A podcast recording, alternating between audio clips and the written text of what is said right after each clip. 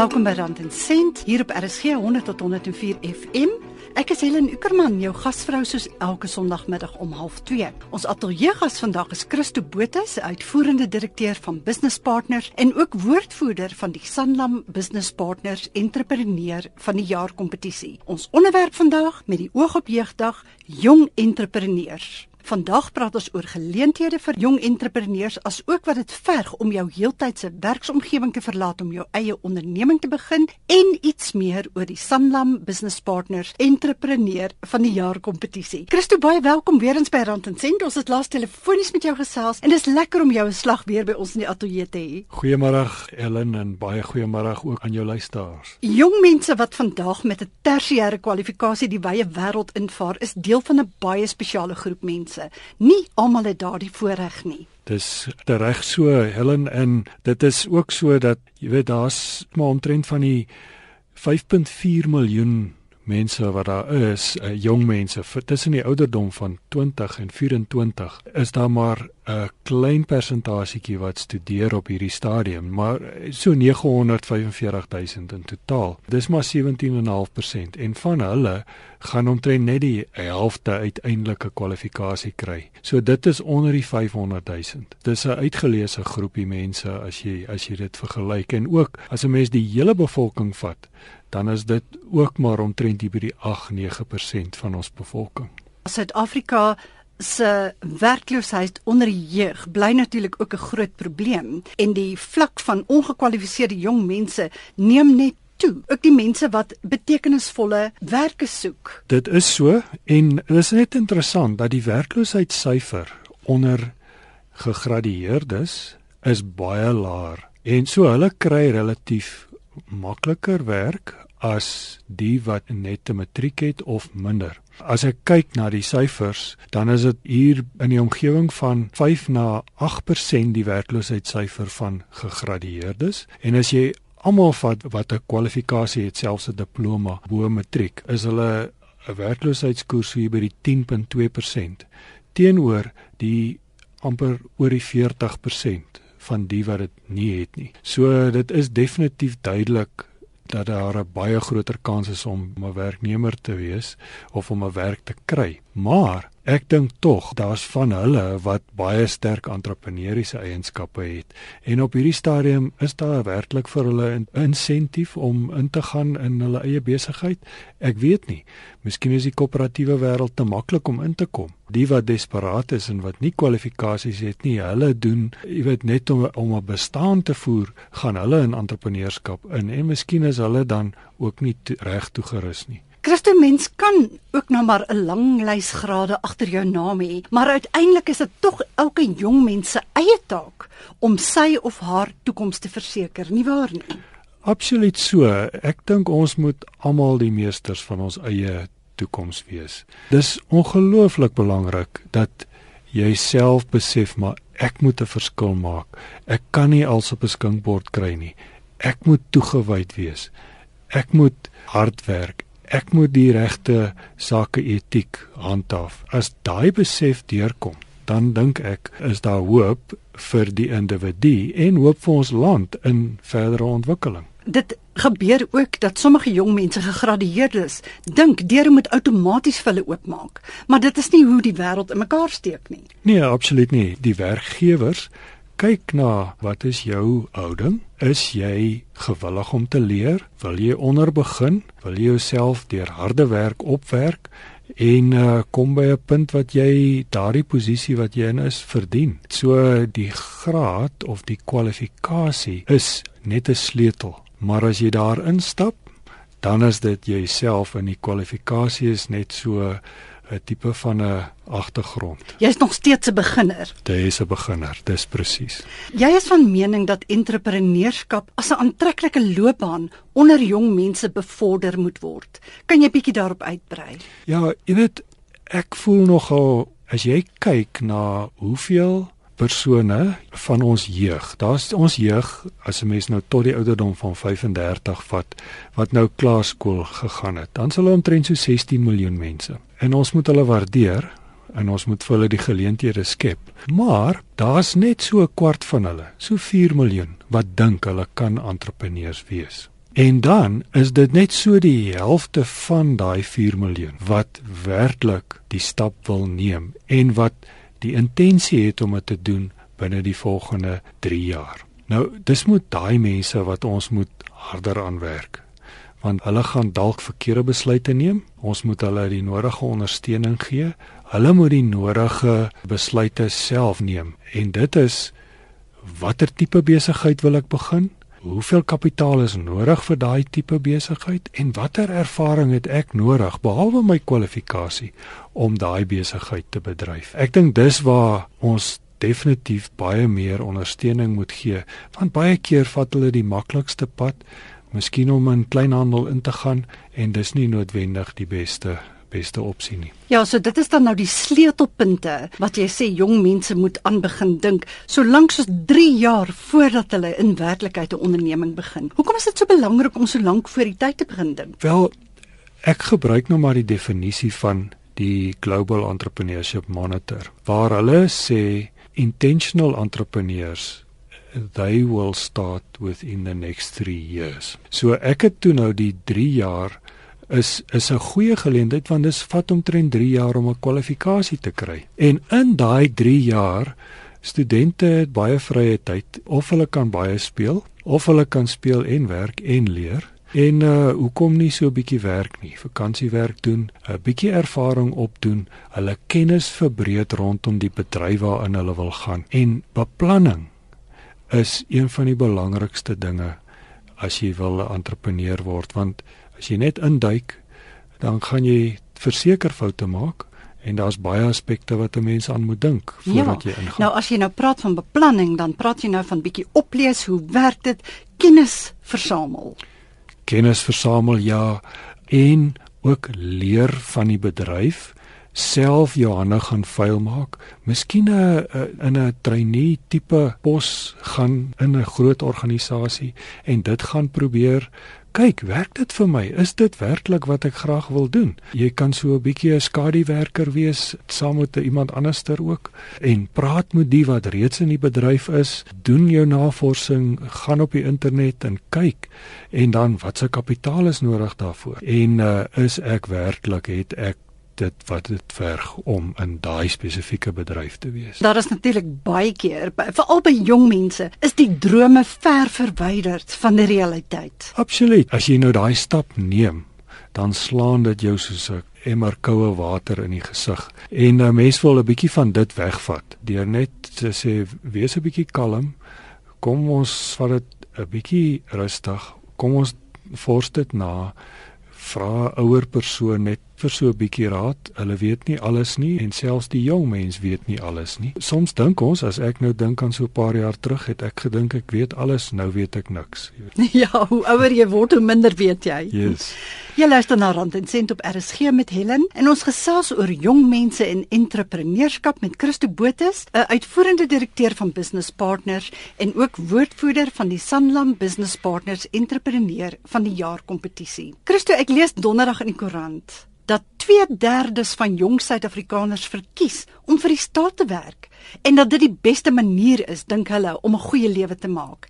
En in dieselfde berig is ook genoem dat slegs 43% van Suid-Afrikaners meen dat hulle die regte persoon is om 'n eie onderneming te begin. Nou ja, dit verskil effens van die syfer wat jy nou nou genoem het. Hmm. Maar wat is jou mening daaroor dat hulle dink die staatsdiens is nou vir hulle die beste plek om 'n lewe te begin maak? Ja, dit is waarskynlik die verwysingsraamwerk en ons gemeenskap is dalk te blameer daarvoor. Dit word uh, gesien as 'n maklike omgewing.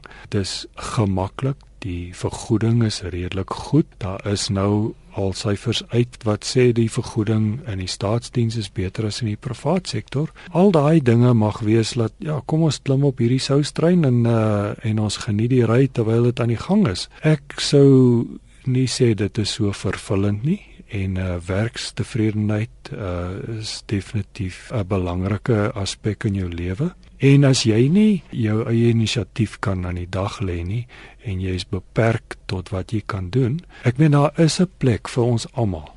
Maar ek dink nie ons moet net as 'n eerste keuse in die staatsdiens ingaan nie. Die geleenthede daar is waarskynlik op hierdie stadium redelik goed, maar is daar genoeg plek vir inisiatief neem en daar moet jy heeltemal onder begin ook. So uh, jy gaan nie sommer gou-gou uh, die direkteur-generaal wees van die departement nie. Moet ek noodwendig gegradueerd wees om my eie onderneming te kan begin? Nee, beslis nie. Ek dink daar's van die beste entrepreneurs het nie 'n naskoolse kwalifikasie nie. Dis in hulle. Dis in hulle. Hulle word daarmee gebore. Dis net 'n mens moet dit ontsluit. En ek glo daar's baie baie goeie entrepreneurs wat daar buite rondloop, maar dit is net nog nie ontsluit nie. En dis hoekom ek dink ons moet 'n kultuur skep van entrepreneurskap. Dis nie kan ek die woord seksie gebruik om 'n entrepreneur te wees nie. Jy weet, as jy in 'n huishouding of in 'n familie groot geword het waar jou pa is sê nou maar 'n onderwyser en jou ma is 'n dokter in die staatsdiens miskien of die een is 'n in die polisie diens wat 'n goeie werk is nê en die ander ene is miskien 'n uh, fisioterapeut of wat ook al ek ek gebruik nou interessante snaakse voorbeelde maar mm -hmm.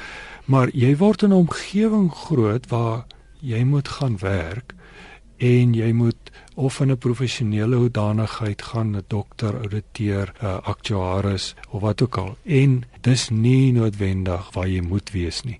En ons moet sê entrepreneurskap moet amper half eerste op ons prioriteitslys wees. En kyk, het ons nie daai kwaliteite wat nodig is om 'n entrepreneur te wees nie want dan is jy meester van jou eie bestemming. Ek dink dit is vir baie ouers ook moeilik om vir jou kind te sê nee, begin jou eie onderneming want hulle verstaan die risiko's dalk beter as die jong persoon en hulle dink man as my kind nou net 'n veilige werk het dan weet ek hulle is versorg dan is dit dalk moeilik vir so 'n jong mens om daardie stap te doen. Dis juist, dis in die kultuur van ons, kom ons beperk ons risiko, jy weet, en ek dink dis waar ouers, familie 'n belangrike rol kan speel. En miskien is die ouers ook bang hulle gaan hulle eie geld verloor want baie keer die beginnerkapitaal kom maar van familie af. Dis hoekom sekere van ons gemeenskappe baie beter doen as ander in hulle ondernemings want familie help hulle om die besighede te begin en dan het hulle 'n voorsprong want hulle is nie so hoog gerad om lenings te diens ensovoorts nie. Daar is ook 'n gevaar daaraan as jy jou ouers se pensioengeld gebruik en jou onderneming werk nie uit nie.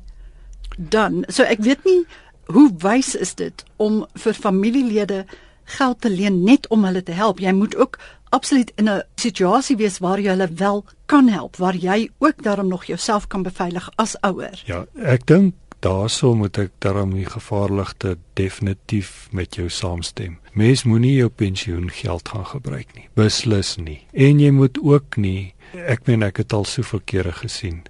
Nou word die pensioengeldjies gebruik om 'n groot vragmotor te koop en ons kry 'n kontrak en ons gaan doen, En met die beste doen, bedoeling. Doen vervoer. Ja, hmm. met die beste bedoelings want ek's lief vir my kind. Maar my kind is waarskynlik nie 'n entrepreneur nie of daai bedryf is 'n groot risiko bedryf dalk en daar's nie kritieke massa. Ek het nou die voorbeeld van 'n trok genoem. Hmm. Ek meen as jy 'n werklike goeie vervoeronderneming wil bedryf, dan moet jy 'n vloot trokke hê. Andersins uh, as daai een trok gaan staan, dan is dit groot trane uh want dan is daar geen inkomste nie. So ek wil waarsku en dis hoekom navorsing en gaan kyk wat is die beste bedryf vir my en wys ook toewyding jouself deur self ook te spaar. Die ouers kan sê maar goed, ek sal 'n rand vir 'n rand bydra. So my kind, jy moet 'n rand insit, dan sal ek 'n rand insit. Miskien op so 'n basis. As jy nie vandag na Rand en Sent kan luister ten volle nie, dan kan jy die program gaan aflaai as 'n potgooi op RSG se webblad, rsg.co.za.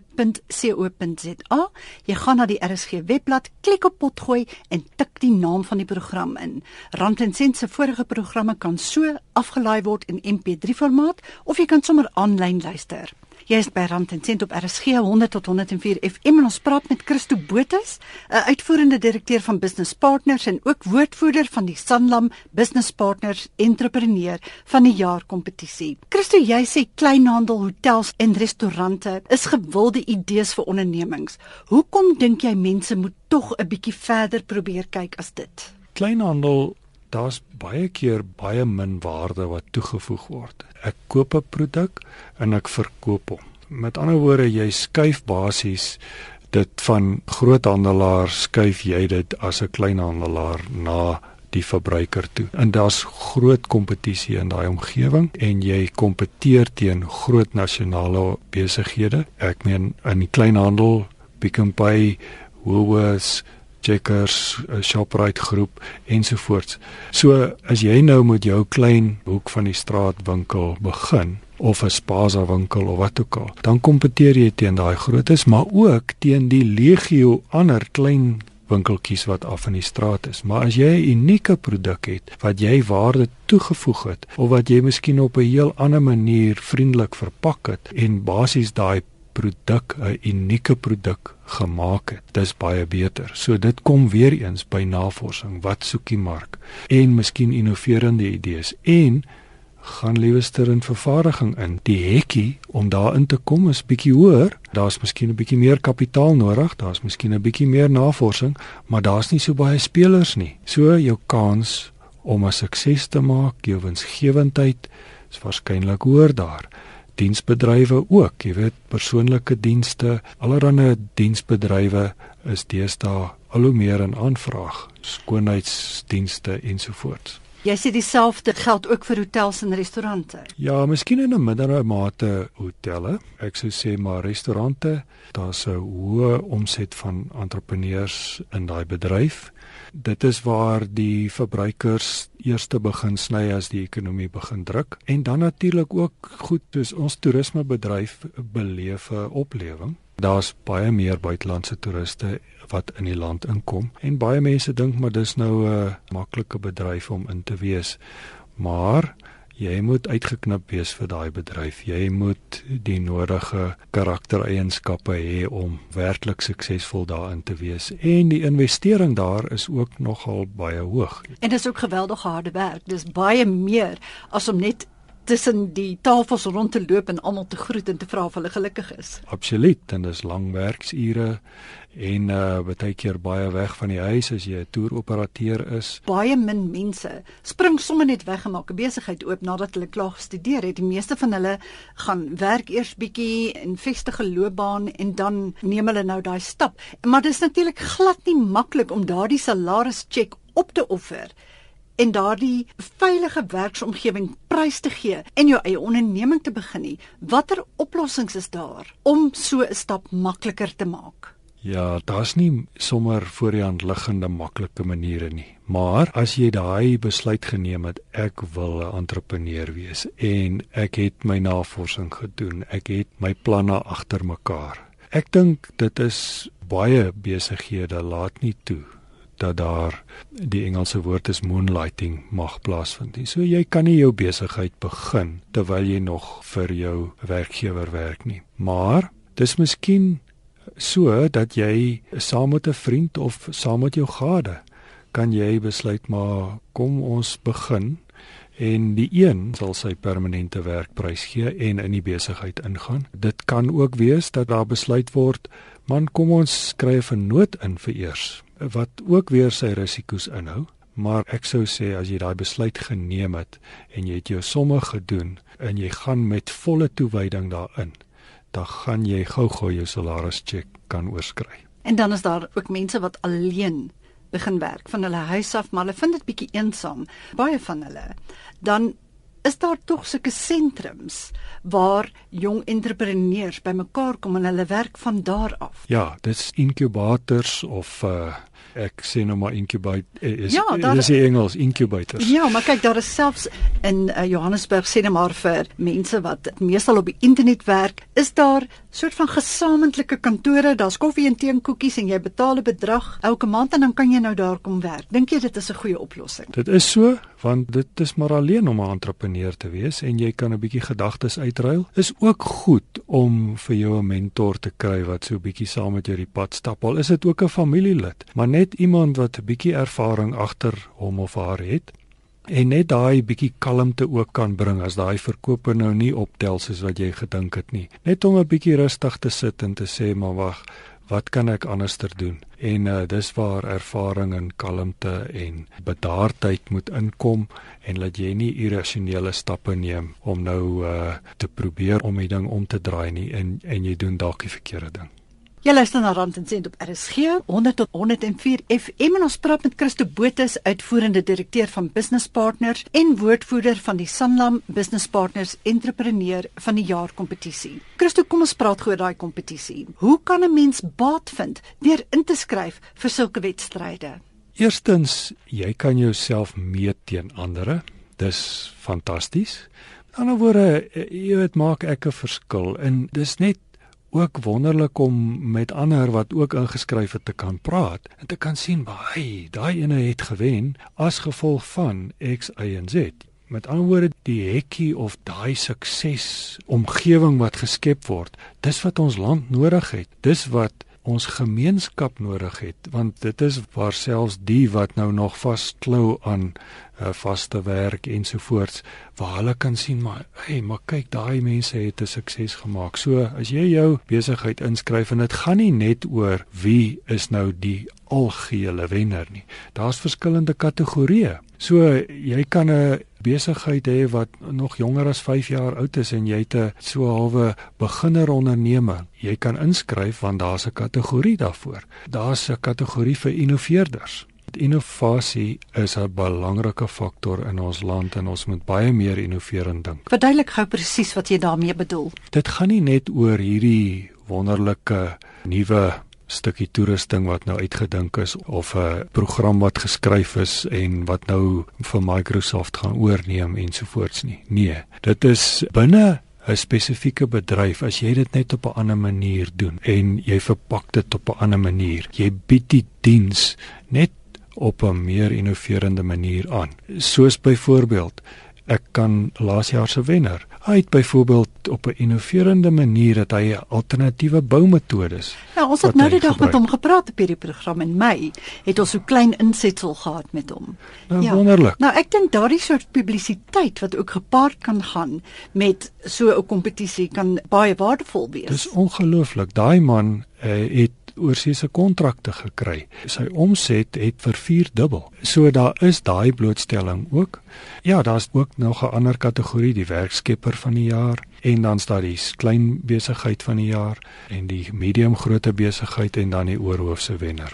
Wie mag inskryf vir die wedstryd? Is daar sekere beperkings? Enige iemand kan inskryf as jy jou eie onderneming het en Selfs al is ek net alleen. Al is jy net alleen want jy maak 'n verskil. Dit is net so dat ons moet die boonste end moet ons 'n bietjie beperk. So as jou omset bo 1000 miljoen gaan dan raak dit daarom nou so 'n bietjie groot al. Dit is oop vir almal. Dit moet jou eie onderneming wees en jy kan nie deel wees van 'n genoteerde groep nie. En moet dit 'n maatskappy wees of kan jy 'n alleen eienaar bestuurder wees? Jy kan alleen eienaar wees, jy kan in 'n BK of in 'n vennootskap of enigiets wees. Jy kan selfs in 'n professionele hoedanigheid wees soos 'n ouditeurspraktyk of 'n dokter. Die sluitingsdatum van hierdie spesifieke wedstryd is môre. Dis reg, die 16de. Is dit nou te laat om nog in te skryf? Nee, skryf in dis nog môre eers. Jy weet, so daar's nog baie tyd, 24 uur. Wonderlik. Christo, waar kan mense met jou of met business partners in verbinding tree? Ons webtuiste is www.businesspartners.co.za of as hulle belangstel om 'n inskrywingsvorm te kry, is dit www.eoa wat staan vir entrepreneur of the year .co.za. Hulle kan my skakel by 011 713 6600 maar ons het ook nog 22 ander kantore landwyd wat hulle welkom is om te skakel. Nou maar goed, met ander woorde, hulle gaan al daardie inligting kry op julle webwerf www.businesspartners.co.za of EOI. Ons gas vanmiddag was Christo Botha, se uitvoerende direkteur van Business Partners en ook woordvoerder van die Sanlam Business Partners Entrepreneur van die Jaar kompetisie. Christo, baie dankie dat jy kom kuier het. Dit was 'n groot plesier en uh, ek hoop ons kan meer sulke dinge doen. Rand en Sent is volgende Sondag om 0.30 weer terug met praktiese raad oor jou persoonlike finansies en klein sake. Jy kan my kontak op Twitter by Handvatsel Helen Ukerman of op Facebook by Rand en Sent Helen Ukerman of jy kan e-pos stuur na helen.ueck@gmail.com. Tot volgende week.